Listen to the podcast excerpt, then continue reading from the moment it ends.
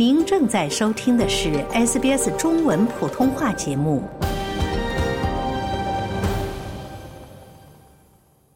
从法律角度看待社会现象，以专家意见指点生活迷津。请听现场说法。现场说法，您了解法律、咨询问题的空间。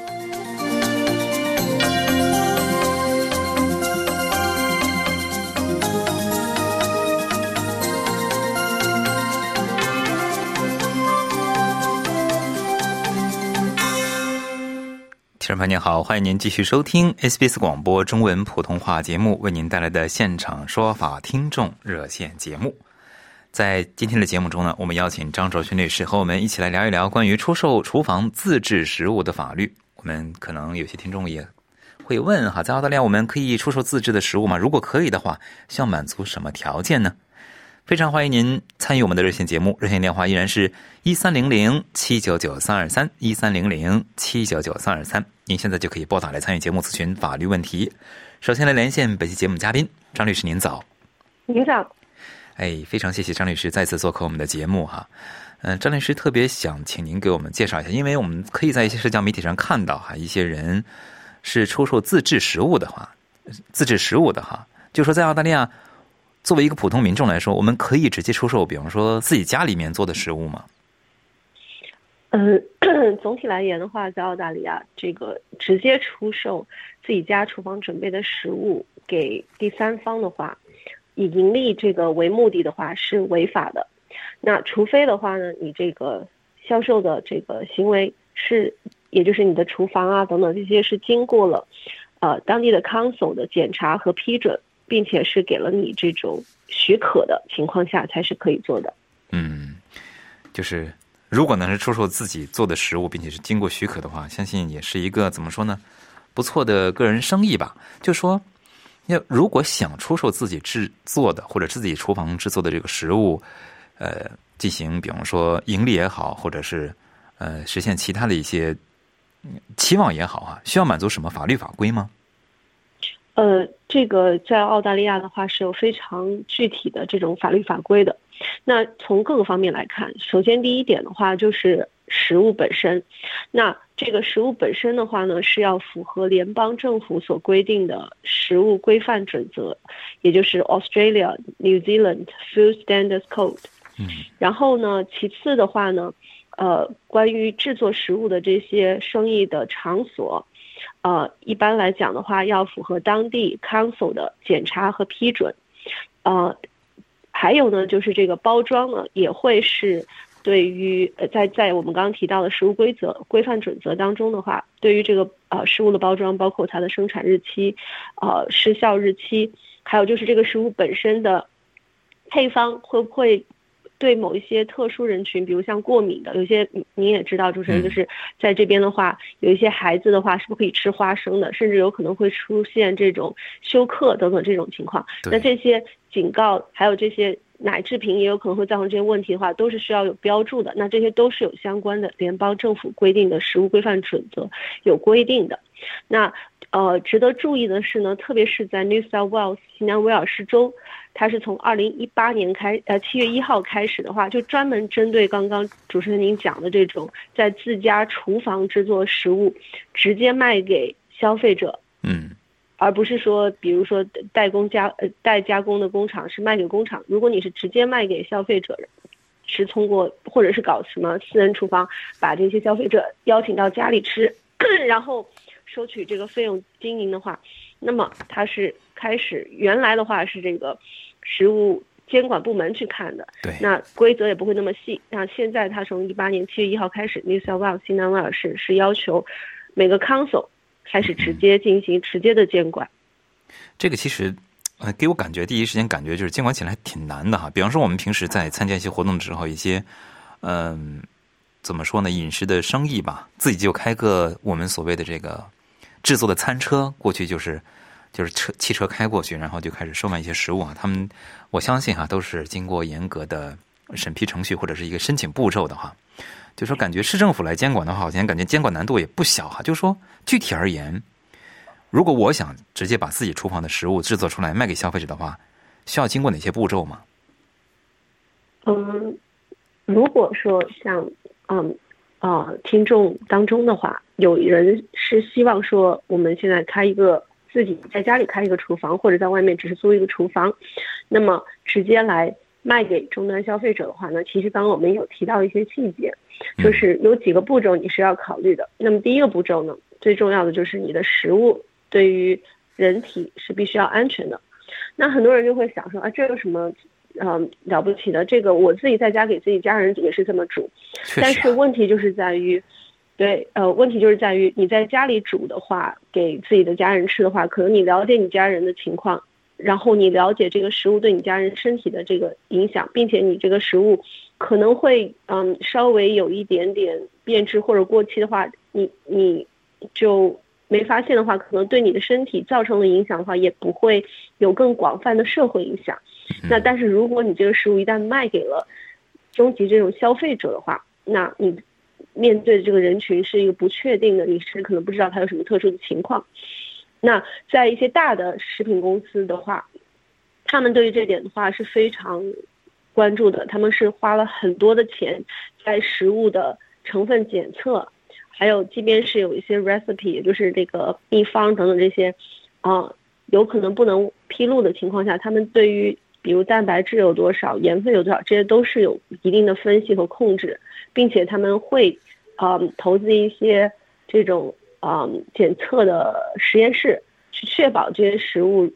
对于绝大多数的人群来讲是没有身体不会产生。太大的影响的，然后如果说对一些特殊人群有影响的话，他们检测出来这种物质的话，那么第一，他们会在这个包装上标识；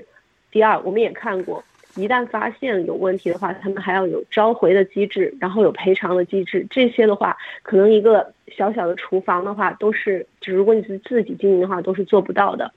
所以，那么我们可能最起码的话，做不到那么大的话，那么至少我们在一个小的范围之内的话。也要能够符合，就是，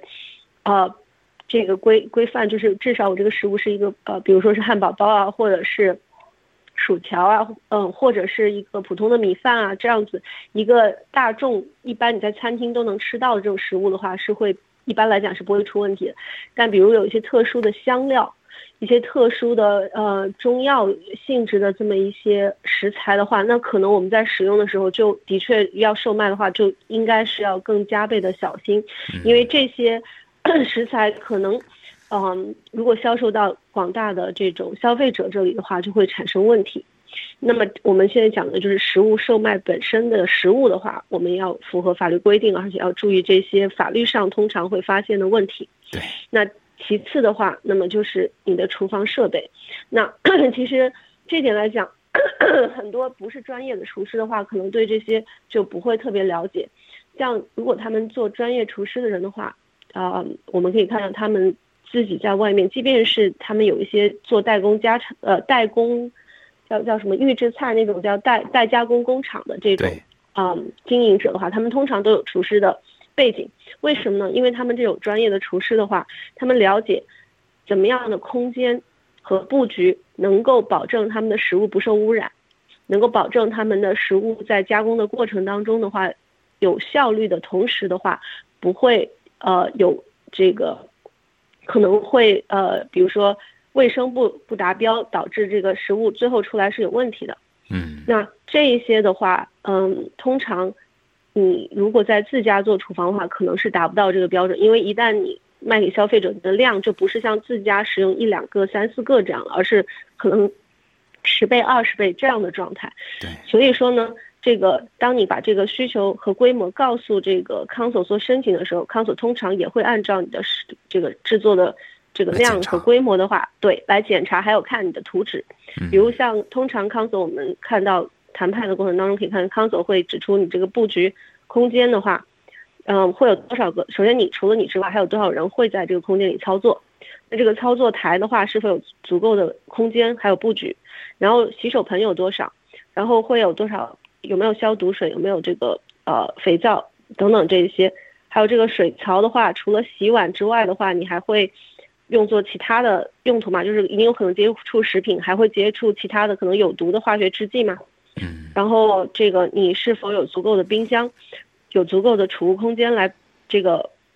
储存这些食物，不让它变质。对，然后这个你包装的过程当中的话，你是要另外再找地方呢，还是你本身就在这个地方会包装？那你包装的话，这个流程还有呃包装的一些依据的话，是否也符合规定？最后的话，我们看到甚至有一些呃市政的话，会对这个呃一些特殊的，比如说什么香肠制品的这种呃操作空间的话，对地板本身的卫生条件都会有要求。嗯，哎，真的是挺多的细则的哈。其实就是说，如果比方说自己想在呃出售这个自制食物的话，在向当地市府政府、当地市政府申请的这个过程中，其实这些条件就都会了解到了哈。嗯。嗯嗯，这些的话，就像刚刚跟主持人聊的，就是呃，当地的 council，你在做这个装修设计的时候，还有就是允就是申请这个 use approval 的时候，你都会要呃，往往都会要请一个当地的这种 town planner 或者是 surveyor 这种公司，嗯他会帮你做这个申请的时候的话，就把这些细则和大概的计划写到图纸都会写到你的申请当中。那 council 看过之后的话，一般呃，如果有问题或者有一些特殊的要求的话，他都会以一个讯问的方式提出来，然后你针对这些的话，就可能要对你自己的图纸和装修做修改。嗯，您刚才提到这个 planner 是叫什么 planner？能请您重复一呃下吗，town planner，town planner。？town planner 是吧？对，当然，通常我看到的就是像这种小厨房的生意经营者的话，他们可能就不会花钱去请 town planner，但至少他们也会自己画图纸，还有一些设计去直接找这个市政的呃申请的这些人去进行开会啊、讨论啊，都会都会出现。非常谢谢张律师的介绍，听众朋友，您正在收听的是现场说法听众热线节目，我们的热线电话一直是一三零零七九九三二三一三零零七九九三二三，非常欢迎您拨打来参与节目，咨询法律问题。接下来我们来接听听众电话，这位是 Jenny，Jenny 您好，啊，你好，你好，呃您请讲。好啊啊，我想请问律师呢，因为我家呃的隔壁那一棵树呢，就是很靠近我的那个车房。那最近呢，它的树干那个那树身都已经干了，而且它很多树干枯了，全部是靠是往我这边倾斜过来的，所以我很担心它会呃那打它吹大风它会倒下，一定肯定是打到我的那个车房的屋顶。那我跟隔壁的那个呃租客已经跟他讲过，他说他去通知他的那个 agent。那我已经等了大概三个星三个礼拜的，我还没有得到回应。那我应该是怎样子做呢？要去找呃找他的 agent 呢，还是要可以打电话直接去找那个仓主呢？麻烦，谢谢。呃，首首先您能具体讲一下你这些就是您房子还有这些的位置是怎么样的吗？就是说，嗯，Jenny，我先重复一下您的问题啊。您的问题是不是说，呃，这个您和邻居之间呢有一棵树，这棵树呢是在邻居那一边儿，它的树呢干了，怕树枝掉下来砸到您的这边儿，是这么理解吗我？我不是怕树枝干了，我是怕整棵树呃会倒了下来。它是干，它是整个树根都已经枯了，我看到。啊，树根已经枯了。嗯啊，它它的，而且它的那个树干全部是往我这边过来，倾斜过我这边过来的，所以我很担心，一打风的话，它倒的话，它一定肯定是打到我的那个呃车房的屋顶。对，所以您那个树的位置是什么？就是那整棵树是在对方那里，然后只是树枝伸到你这边，是这个意思吗？对对，因为您刚刚说你们之间有棵树，就是我还是不太明白。所以说你你你实际上呃，真你说的就是这棵树整棵树都在对方的院子里边，对对的对的，然后就就只是树枝伸到你这边，但你认对那你们之间有栅栏吗？有啊，就是有啊，有围栏的。对，那有围栏的话，这个树倒不应该倒到围栏上吗？然后你你为什么会说它会倒到你的院子里呢？因为它那个树很高，很高，而且它是很重量，全部垂到我我我我我可以看到，我从家里我可以看到它它的那个树枝全部是往我那个呃车房的屋顶那边过来的，所以它我那个树是很大棵的，所以树干已经倾斜了，是吗？对呀、OK，所以你现在只是说看到这棵树的这个状态，你会担心它会倒到你的房子里，但并没有发生这个事情，是吗？对对对，呃，那那这你可能能做的仅仅是能够把你那个担心跟你的邻居去讲，然后让他去处理这个事。如果他不处理的话，那么造成具体损失的时候，你再向他要赔偿，索要赔偿，您您只能是这样处理。可是，可是我知道呢，通常都是赔偿的话，都是假如说东呃个别的屋子打到我的那个车房的，通常赔偿没有赔偿的都是叫我去找我我的保险公司，这样的找找我保险公司的话呢，也不是等于我在付钱，因为下一次我的保险费一定增加的嘛，所以我现在我看到我可不可以？嗯，对，整体但是这个东西你在法律上就是这样规范的，如果是他的树。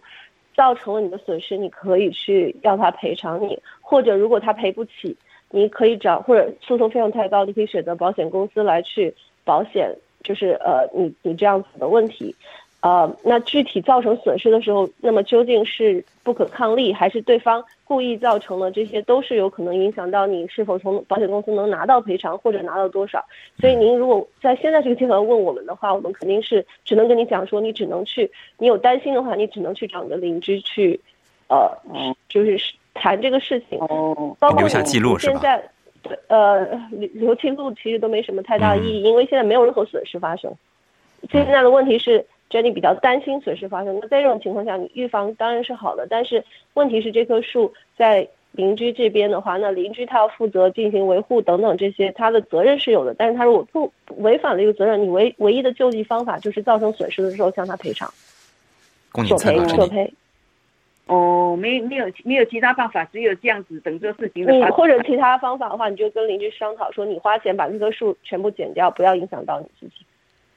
哦，那我相信可能邻居，你邻居不需要掏钱，他可能就会比较愿意。嗯嗯，OK OK，供您参考，祝您祝您顺利。好，谢谢。听众朋友，热线电话依然是一三零零七九九三二三，非常欢迎您拨打来参与节目咨询法律问题。接下来我们继续接听听众电话，这位是李先生，李先生您好。呃，主持人早。哎，您早。律师早。想问一下，替朋友问一下那个呃家家庭离婚的情况。就是现在，嗯，离婚的证书已经拿到了，但是 property settlement 还没有做，没有做呢。现在前妻要求，嗯，供孩子上私校的钱，我就想问一下律师，这个上私校这个东西，这个前妻让让我掏让让掏钱，这这合适吗？这个如果已经婚已经离婚了，不应该再掏。李先生，这个跟离婚没有关系，关键是要看你的孩子有多大，还有你这个私校，还有你们双方的经济条件究竟是怎么样的。嗯，这么讲，我最近有一个案件的话，那我我的案子当中有三个孩子的话，从小都在上私校，那么啊，那个最大的已经上到初中了，然后他们家里是上千万的资产的这种，我们很轻松的就拿到法庭命令，是要求他一定要支付私校费用的。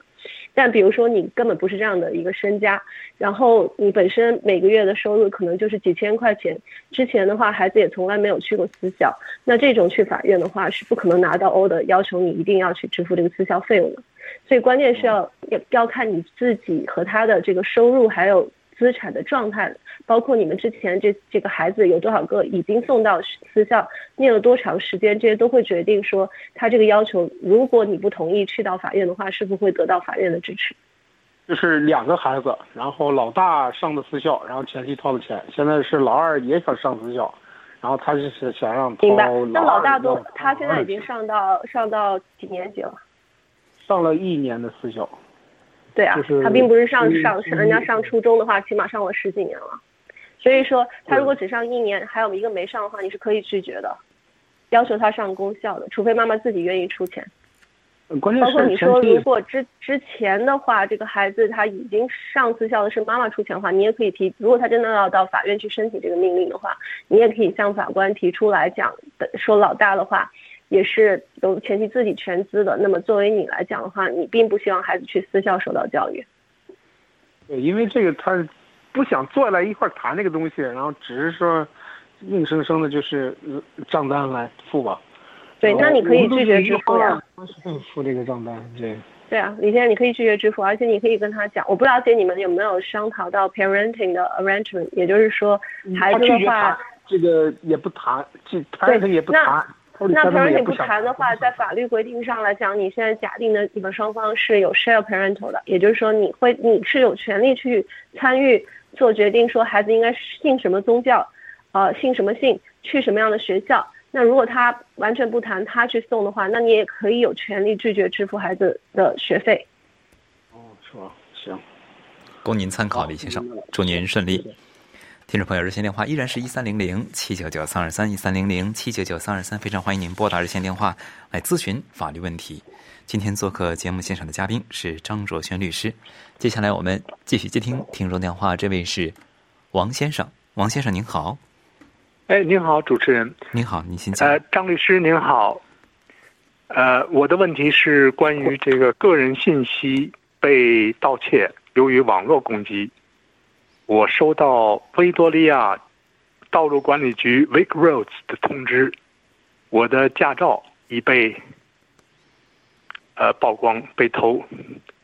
后果不可设想。那么，是不是要跟这个公司叫先购买后支付的公司叫 Latitude，是不是要跟他去索赔？呃，就是像这种 ID 被盗窃的问题在如如果对，没有，如果是您个人的话，我觉得您索赔的难度还是比较大的，因为首先你啊、暂时来讲你你是看不到你有任何的 damages，也就是你没有任何的损失。但是如果说你去向这个相关的一，你去了解一下一些群，如果有人跟你是有同样的遭遇，有很多的情况下，我知道是有些律所可能会联系你们一起做集体诉讼，那你们有可能无论是律师的费用，还是说将来可能成功的概率就会高很多。其次的话，就是你可以到这个消费者委员会去试尝试一下投诉，看他们是不是是不是有可能在你的案件当中，相当于也是代理你本人的话，还有一些其他的潜在的公众消费者的话，去起诉这个管就是管理你们信息的这个机构做索索赔。就您个人来讲的话，我觉得您呃一方面现在没有看到直接的损失，另一方面如果你要进行一些呃比如说未来损失或者可能性的这种嗯、证明的话，你无论是专家还有律师的这些费用都是你个人可能没有办法承受的。对，是不是要跟这个信用公司直接交涉，让他啊，没有人会理你的。你如果不哦是真正起诉这些公司，把这些证据摆在法官面前的话，他们这些商业公司为什么要理睬你呢？哦这样的？因为他我担心的是个人的驾照被别人利用了，然后去开账户，去购买那商业的。如果你担心这个事情已经发生的话，就很说你可以 order 一个 credit report，一般因为一般一些 credit report 上会显示说你有没有可能已经欠债了，或者有有借贷款这些。哦如果你发现的话，当然你这个就有更好的证据证明你已经在遭受损失了。哦，可不可以自己去重新换一个驾照，把这个驾照的号给换了？这样呢任何人偷窃了以后就没法呃冒用了。对，您自己保护自己的这个行为肯定是正确的，把所有的证件都呃换一下，把把比如您的照片也换一下。对，那么这个费用是不是应该由 Latitude 来承担？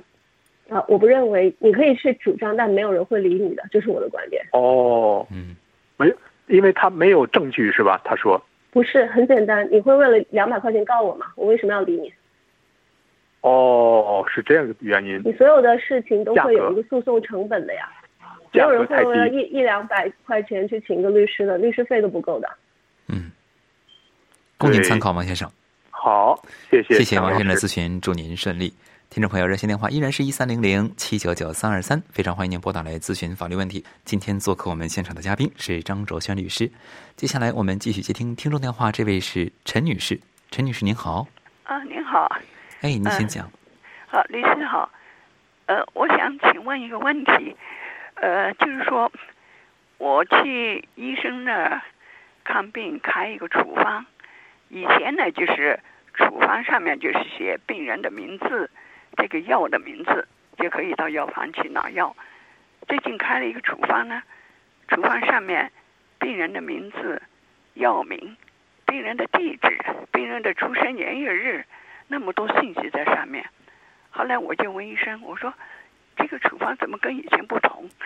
为什么要写地址了？出生年？陈女士，您的声音嗯，就是杂音很大哈。您是哦把耳机放在了嘴边，嗯，这个哦，好的，好的。要离远点，或者去掉耳耳机，直接放到耳朵边就可以了，好吗？好的，我再好的谢谢您清楚吗？就是有杂音，就是说话的每个字后面都带一个杂音。哦，刚才我联系的时候也是有杂音，你们那边也是断断续续，断断续续。哦，现在好一些。哦，好，就是说，